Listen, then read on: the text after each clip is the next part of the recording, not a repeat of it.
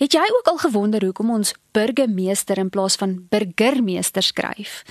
Karin Brett is hier en sy deel in hierdie episode 'n paar interessanthede rondom die kom vandaan van woorde.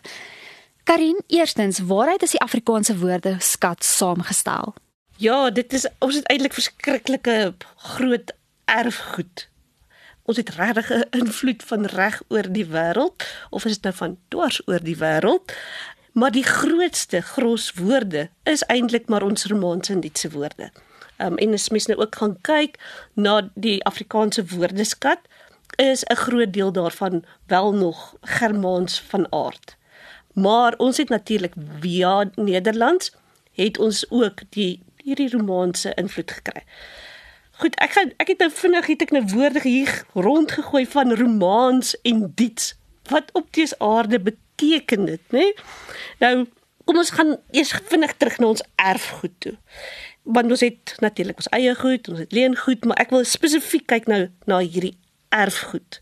Net mos soos wat jy nou as jy nou eh, 'n uh, testament het, is daar mos nou goed wat nagelaat word.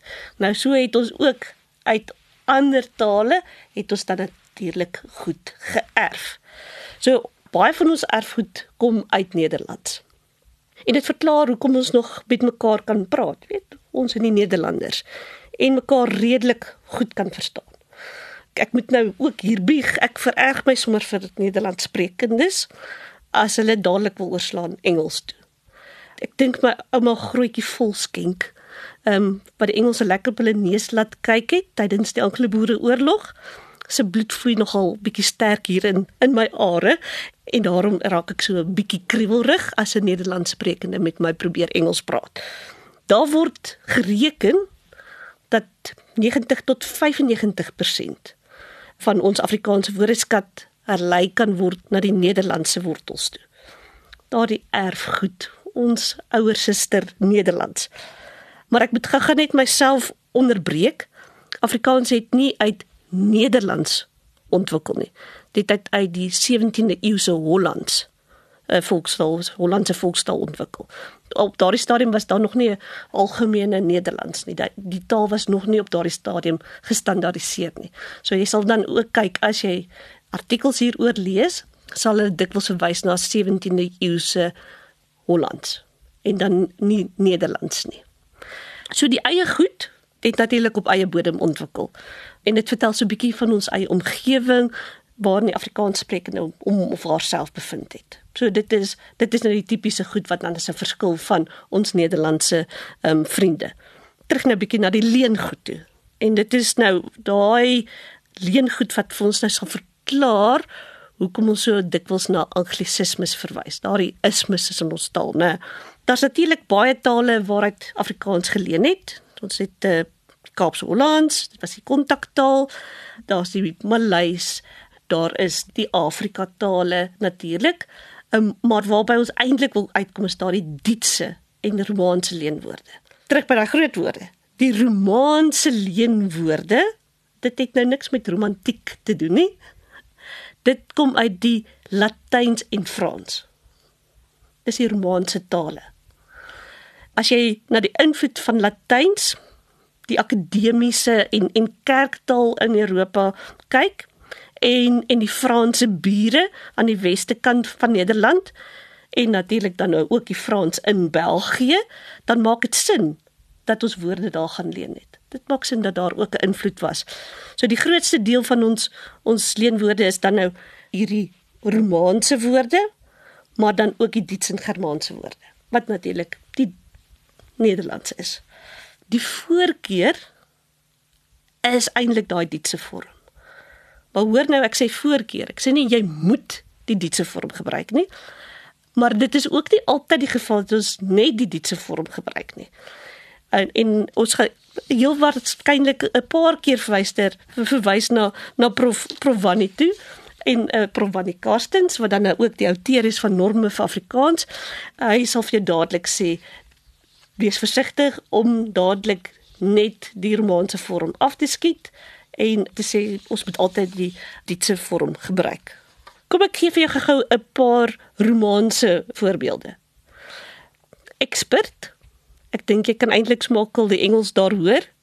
kapasiteit biblioteek. En wie van ons gebruik nie elke dag die woord biblioteek nie? En dan is dit nou maar net weer so vinnig aanduiding, miskien is die romanse vorm nie so verkeerd as wat ons dink nie. Forceer. Opinie. Prenatal. Ja, daaroor gaan 'n bietjie wonder. Konklusie. Of korrigeer. Ek dink daar is dalk 'n paar mense wat iets wil korrigeer wat ek nou gaan sê of die industrie. Nou is die vraag, hoe weet ek watter vorm te, om te gebruik? Wanneer gebruik ek die Duitse vorm? Die Duits. Kan jy hoor die Duits? Dutch. Ek dink dit kom nogal daar uit. Wanneer gebruik ek die hierdie Duitse vorm en wanneer gebruik ek nou hierdie Romaanse vorm?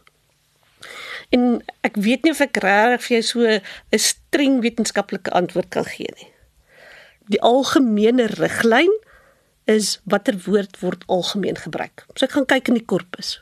Watter woord word algemeen gebruik? En ek gaan nou vir jou so 'n paar konkrete voorbeelde probeer gee.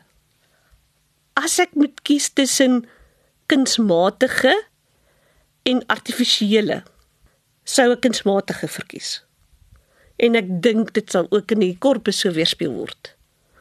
Maar wat maak ek nou met hierdie intelligensie van kunsmatige intelligensie.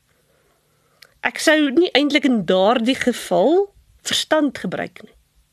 Want wie se van ons gaan nou praat van kunsmatige verstand? En hier het ons nou 'n duidelike voorbeeld van hierdie vermenging van ons Duitse en Romaanse vorms. Wat eintlik vir ons sê hoe ingeburger hierdie vorms ook al geraak het in in ons taal.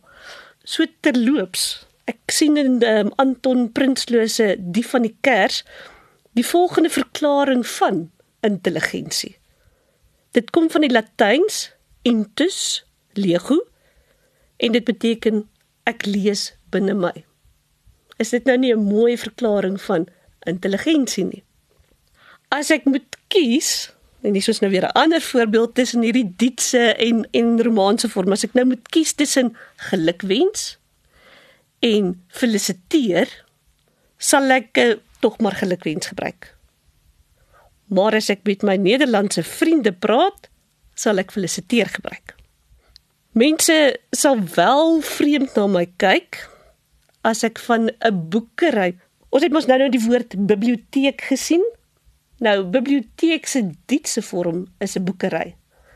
Maar gestel nou ek praat van ek gaan na die universiteit se boekery toe, gaan niemand weet waarheen ek gaan nie. In hierdie geval sal ek sê ek gaan na die universiteit se biblioteek toe. Boekery word wel in Afrikaans gebruik, maar dit is dikwels jou eie klein versameling. Jou eie klein biblioteek is gewoonlik dan 'n boekery.